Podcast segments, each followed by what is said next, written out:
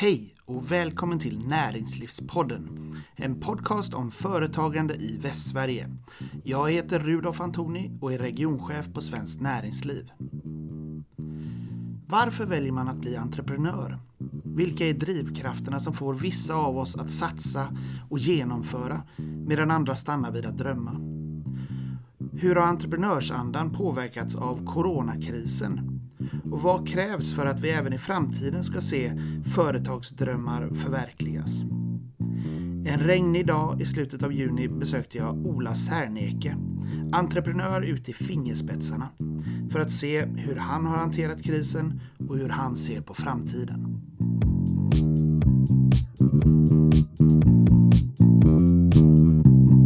Ja, då sitter jag här med Ola Särneke. Mm. Välkommen till Näringslivspodden. Tackar så mycket. Eh, Jag tänkte börja med en, en första fråga egentligen. Om, kan du berätta lite grann om, eh, om dig själv och Mm. eh, vad som låg bakom att du startade det här bolaget? Mm. Eh, ja, Ola Särnek heter jag som sagt och är ju 48 år gammal. Född i Alingsås. Eh, potatisstaden, fem mil eh, norr om Göteborg. Och jag har ju i och för sig bott mesta delen av mitt liv i Göteborg. Eh, och startade min eh, näringslivskarriär eh, tidigt. Redan 1990 så startade jag mitt första företag som höll på med bildskärmsfilter och fläktregulatorer och sånt där. Som hette Adergo Alingsås. Alltså Adera Ergonomi var namnet. Som jag höll på med lite vid sidan om samtidigt som jag pluggade helt enkelt. Eh, sen så eh, började jag på Chalmers eh, och läste väg och vatten. Och lite andra kurser och så vidare. Och hade turen mitt i egentligen rådande kris som var då på 90-talet att få jobb på, som trainee på Peab. Och där var jag fram tills 2002 då jag startade eh, bolaget eh, som, som numera heter Serneke. Och eh, egentligen drivkraften till att, att starta bolaget var att våga göra något nytt och utmana rådande normer. Och, och sen givetvis också eh, att vi skulle kunna påverka samhället samtidigt som vi eh, gjorde något värdeskapande bolagsmässigt. Är, det, är det en viktig del i eh, drivkraften, alltså påverka samhället? Ja, men det, jag tycker det. För, för det, det liksom min grundinställning har alltid varit att man ska kunna förena olika saker samtidigt som man bedriver eh, en affärsverksamhet. Och, och det gör ju många indirekt, men, men jag, jag vill ju koppla det så att, alltså att man verkligen ser att vi gör nytta. Eh, och kan driva framförallt då såklart stadsutvecklingen framåt.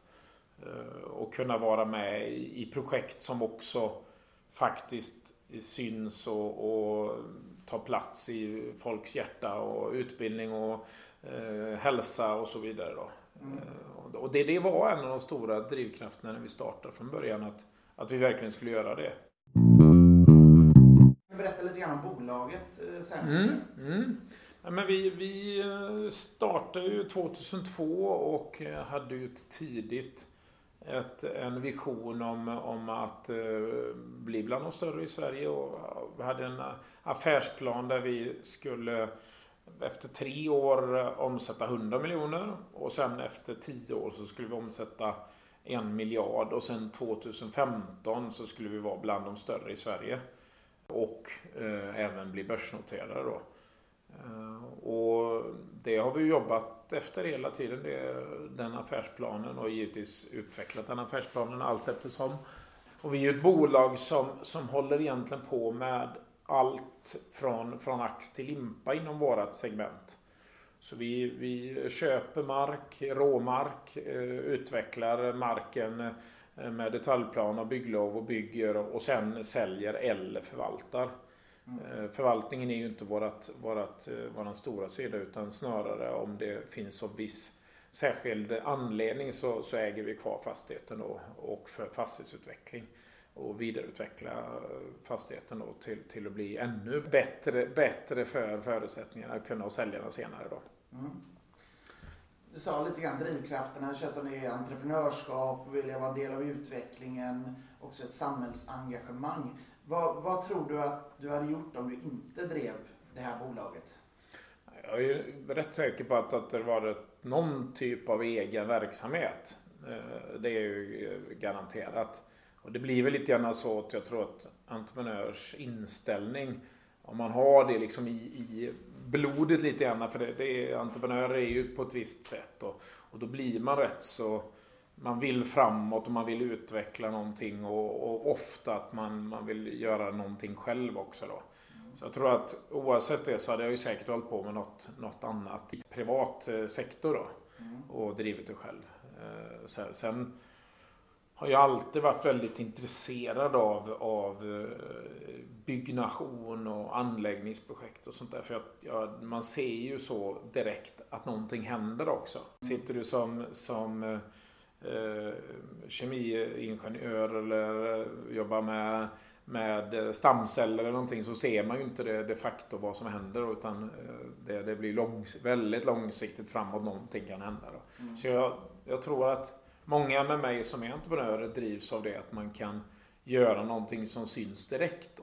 Och det, någon, någon typ av eh, verksamhet där det, där det hade funnits hade jag säkert eh, hållit på med då. Det är inte omöjligt med något industri eller verkstadsbolag säkert i och med att jag är intresserad av även den sektorn då. Ja. Eh, så, så något, något åt det hållet. Något åt det hållet, ja. ja. Eh, men nu är vi i byggbranschen. Ja. Och hur skulle du säga att byggbranschen i Göteborg har påverkats av coronakrisen? Man kan väl egentligen se det i de olika, olika sektorerna inom vår bransch. Då. Så byggbranschen i sig har ju, har ju direkt inte påverkats sådär jättemycket. Eh, förutom givetvis eh, vårat Karlatornet som, som har stoppats tillfälligt. Eh, på grund av pandemins utfall när det gäller, gäller våran Medinvestor där, som är ett amerikanskt bolag. Då. Eh, men, men indirekt så, så kommer byggverksamheten påverkas såklart i och med att flera investeringar läggs på is och skjuts framåt. Eh, och då, då tänker jag ju såklart kopplat till, till projekt på, på de stora industriföretagen med SKF och Geely och Volvo och AB och så vidare. Då. Så, så vi vi kommer ju se en svacka på byggsidan. Men den kommer lite senare? Ja, ja men, men, men, men sen, sen, sen blir det lite, lite förskjutet också då på grund av att jag, jag tror också att istället då för den sidan som är projektutveckling med bostadsrätter Bostadsrätter kommer också bli ett litet glapp i det, ungefär som om man går tillbaka och tittar på de tidigare kriserna 2002, 2008 och 2011 med dotcom och Lehmankrisen och eh, Greklandskrisen och, och, då blir det en 12 till 15 månader som, månader som det blir lite glapp då.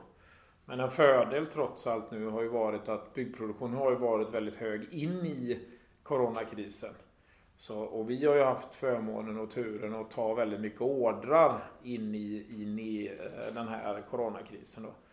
Och, och, då tror jag att byggbranschen kommer klara sig bra eh, trots allt i det stora hela. För vi behöver en avmattning lite grann.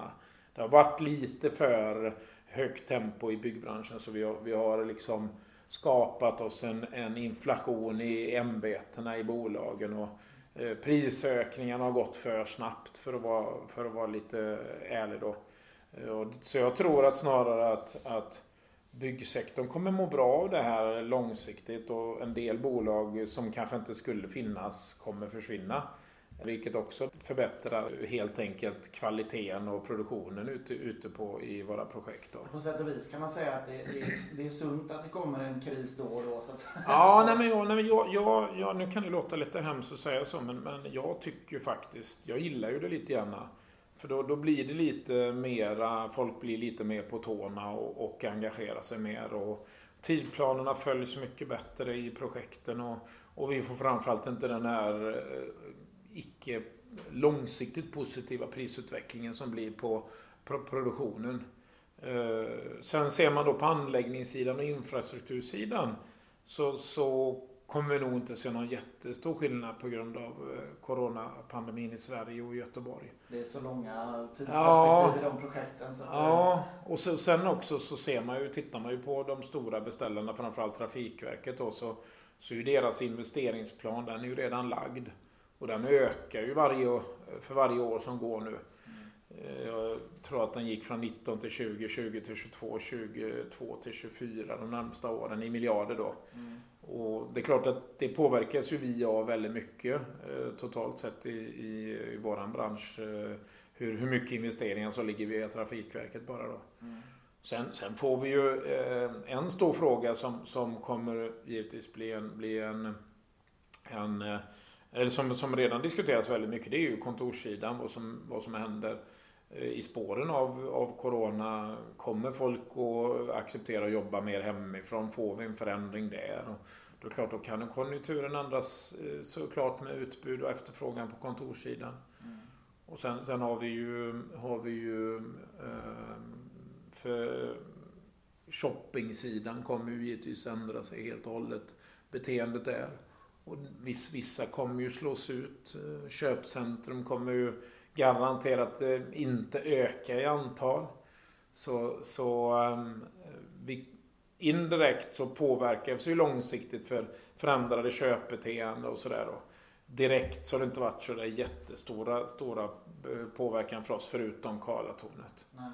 Uh, sen ser man också att vi får mera, totalt sett i Sverige så får vi mera förfrågningar just nu från kommunala och statliga bolag. Ja. Eh, vilket är positivt. Vi trodde att det skulle bli en liten avmattning där, att de skulle eh, ligga på, på vänt. men där ser vi att det har börjat öka igen de senaste veckorna. Säkert också för att, för att man vet att, att, att branschen också kommer reglera priserna neråt. Totalt sett då. Eh, vilket, vilket vi ser positivt då på, för våran upphandlingsprocess. Mm. Eh, vi handlar ju upp väldigt många underentreprenörer. Och är ju beroende av att vi har många underentreprenörer som, som kämpar om samma jobb. Så att vi får en, får en vettig prisbild. Ja. Och det, det, är ju positivt att, eh, att ni känner att förfrågningarna har ökat. Svenskt Näringsliv driver mm. ju på väldigt hårt för att vi ska både på nationell nivå, på kommuner och regioner, eh, återstarta Sverige. Och då behövs ju en av de viktigaste sakerna där är ju att man, man inte håller inne på investeringar nu utan att man snarare flyttar fram investeringarna. Eh, hur, hur, ser du på framtiden för eh, Serneke, för ditt bolag? Vad har du för visioner idag? Nej, vi, vi har ju, vi ser ju faktiskt med tillförsikt eh, framåt och, och tittar man bara som i Göteborgsregionen så så ser vi ju fram till 2030 att, att det kommer fortsätta att öka med mer befolkning och bolagen kommer, de stora bolagen kommer att expandera och överleva. Och, och vi har ju en, en, eh, ett mål, en vision om att, att vara bland de stö, större bolagen i, i världen 2030 inom våran bransch. Eh, topp 30 2030 har vi ju sagt. Och vi fortsätter ju på den, den inslagna linjen och, och liksom nedslås ju inte över att, att det här coronaviruset eh, passerar förbi utan eh, nej men positivt och, och framförallt det du sa då just det här med kommuner att, att man verkligen eh, att nu staten verkligen vågar satsa på, på vård, skola, vård, omsorg och så vidare. Och inte sänker kommunutjämningen och sånt där utan snarare ökar kommunutjämningen då. Eh, vilket man egentligen borde gjort tidigare. Eh, man borde gjort det redan förra året eh, med motsvarande 10 miljarder. För att stabilisera kommunernas budgetar så att de inte börjar dra in på dem ännu mer än vad man gjort då. Mm. Så, och det, och det, det, tror jag är en jätteviktig fråga framåt för hela samhället. Att, att staten vågar satsa på, på eh, investeringar. Eh, och investeringar, dels då direktinvesteringar och även utlåning via Almi och så vidare. Då, men även ner i kommunerna. Så att man inte stryper eh, välfärdsbudgeten. Mm. Och det, man var ju på dålig väg eh, inför 2020 års budget. Eh, då man egentligen saknade 10 miljarder till kommunutjämningen som, som man har i och för sig lättat på nu då i, i ändringsbudgetar under året då. Ja. Eh, men där det fortfarande enligt min mening saknas 6 miljarder i kommunutjämning. För att kommunerna ska ligga, ligga i, i balans då. Så jag hoppas ju att det nu inför nästa års budget att man istället för de här 128 miljarderna som är de allmänna medel till kommuner att man höjer upp den till kanske till och med 140 miljarder minst. Så att även de kommunerna som haft det riktigt dåligt eh, innan då kan stabilisera sig och våga satsa på, på sina, sina eh, omsorgsfastigheter och så vidare. Då. Mm. Du äh, inledde ju här med, med att beskriva lite grann entreprenörsandan som mm. har drivit dig. Hur tror du att den allmänna entreprenörsandan har påverkats av coronakrisen? Tror du med den som är, är ung och i startgroparna nu? Kommer de våga och, starta nytt och på samma sätt framöver? Alltså det, det, är klart att alla sådana här typer av kriser sätter sina spår överallt. Och, men, men jag tror ju att, att entreprenörer överlag hittar ju alltid vägar och idéer framåt. Eh, och det är ju lite grann det som är essensen i entreprenörskap. Att en entreprenör vågar tänka fritt och framåt och så vidare. Eh, men, men framförallt då att man ska hjälpa de här personerna att inte ner, slås ned. Om man nu säger det blir, blir bakslag för många, många entreprenörer när det händer sånt här då. Och då, då får, man ju, får man ju försöka alla, alla som är inblandade och, och uh, i, i att hjälpa, hjälpa entreprenörer upp då på, på fötterna igen och våga satsa, våga vara modiga och tro på sig själva och så vidare. Då. Och det gör man ju genom då Eh, Eh, dels då såklart eh, statliga myndigheter och eh, hjälpinsatser och stödinsatser. Och, men även Almi och sådana här bolag som, som kan hjälpa till och låna ut till, till, till startups och, och entreprenörer för att de, de ska kunna, kunna investera i sin framtida bolag. Då. Tror du man som själv som entreprenör kan vara en, en viktig faktor för nästa generation av entreprenörer också? Absolut, ja, jag tror det är jätteviktigt. Jag, jag får ju nästan dagligen mail eh, från, från andra entreprenörer som frågar frågor. Eh, hur man gör och så vidare. Och då, det tror jag är extremt viktigt.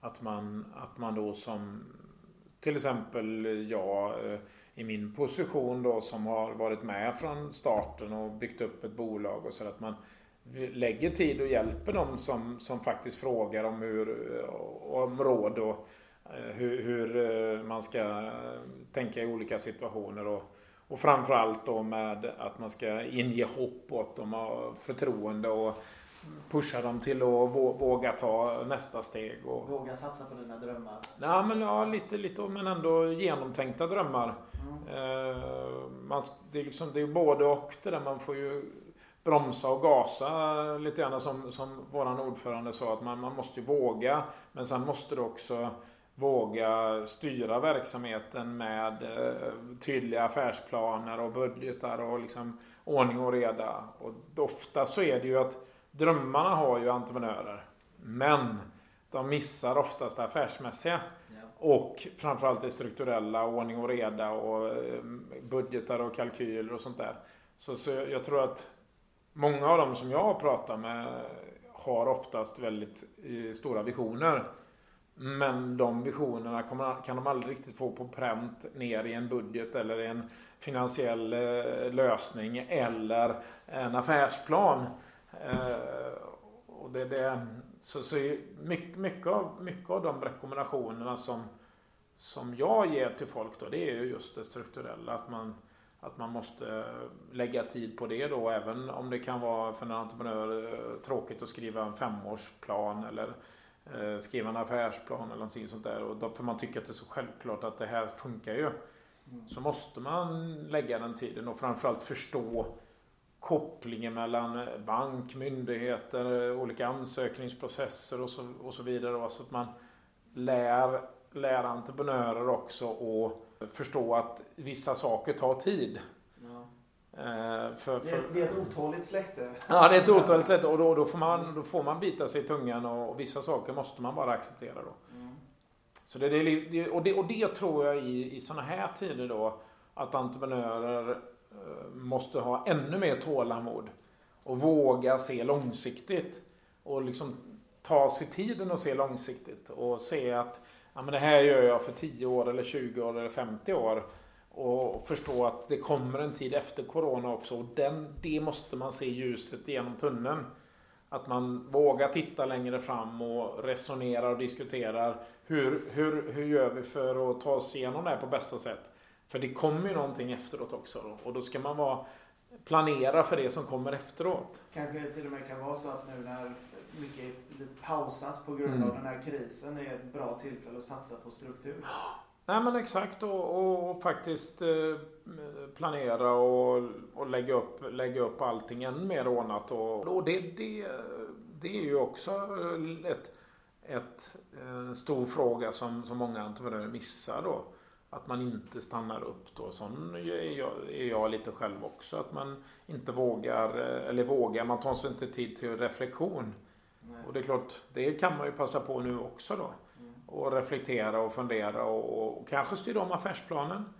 Fundera vilka är våra konkurrenter som kanske vi inte ska ut och, ut och konkurrera med och kanske några andra kunder. Och, eh, eller det, det kommer ju alla få lägga om nu med hänsyn taget till rådande omständighet att kundbasen blir förändrad.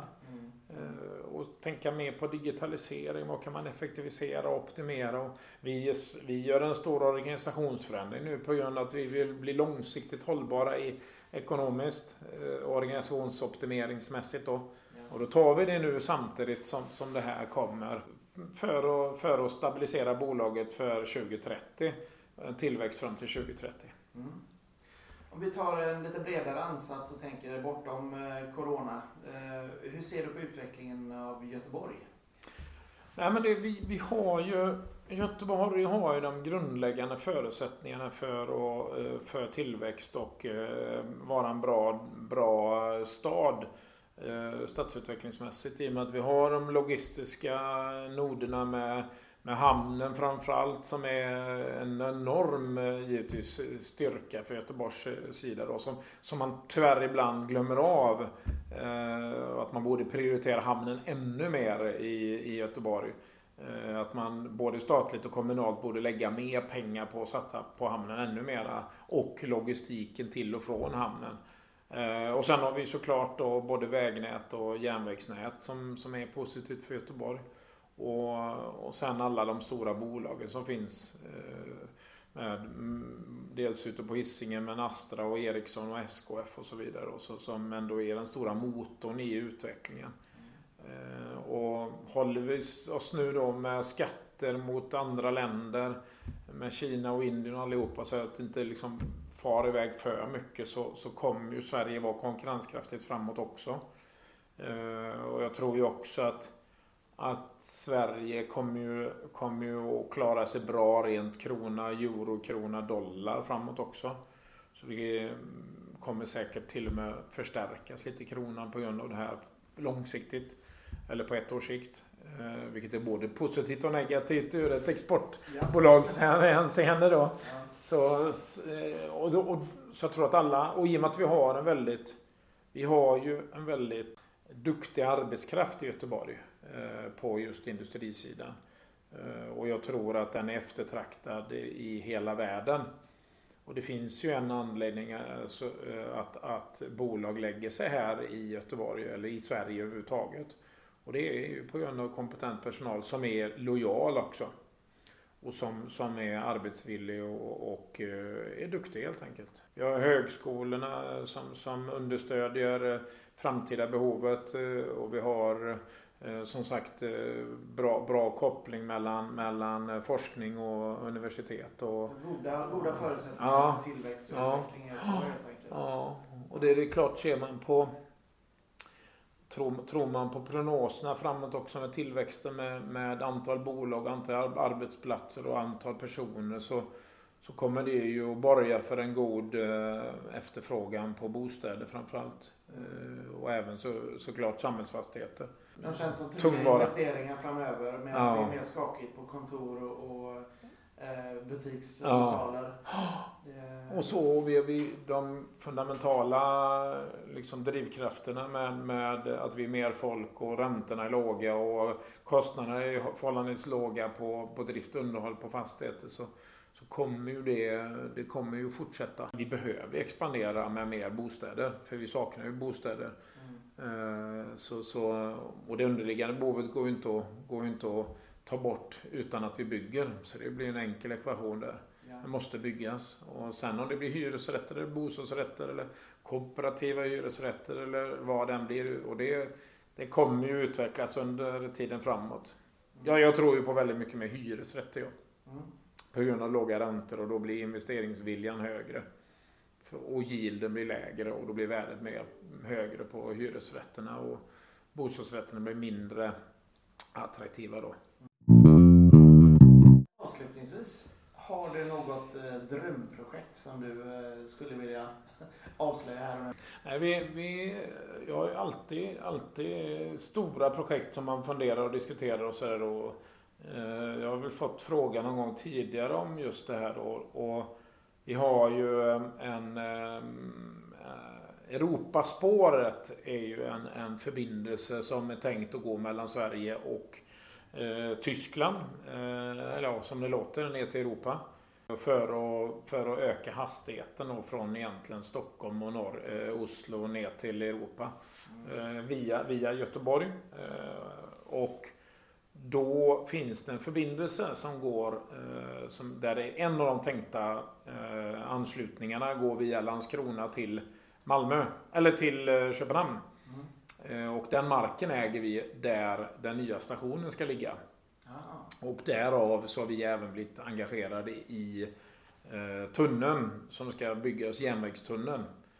Eh, som går mellan Landskrona och eh, Köpenhamn som är egentligen en sänktunnel som går på botten eh, över, över fjorden där då. Så det, det är ett sånt där projekt som, som såklart hade varit en, en, jag ska inte säga drömprojekt, men ett väldigt intressant projekt som man skulle jättegärna vilja vara med som är i 100 miljarders klassen. Jag tror vi hade en kostnadsberäkning totalt på 82 miljarder för, för ett år sedan. Eh, och, eh, men framförallt också att det kommer ju gynna godstrafik och persontrafik och folk kommer att åka tåget till Tyskland till exempel istället för att flyga. Mm. Och då blir det ju sån både och att man påverkar samhället så mycket genom att godsflödet kommer att gå mycket snabbare ner eh, och folk kommer välja tåget på både gods och persontrafik istället för lastbil och flyg. Och det är ju sånt som måste till för att vi ska lösa klimatmålen då. Agenda 2030 och, och alla de målen som man har. Och 17 eh, miljömålen, eh, hållbarhetsmålen. Det är, liksom, det är ju mängder med det som man måste göra för att man måste ändra, ändra väldigt mycket och det här är en stor del av transporten. Och flyg måste minska eh, totalt sett. För annars så kommer vi inte nå det. Det får bli slutorden. Ola Serneke, tack så mycket för att du medverkar i Näringslivspodden. Tack själv Rolf.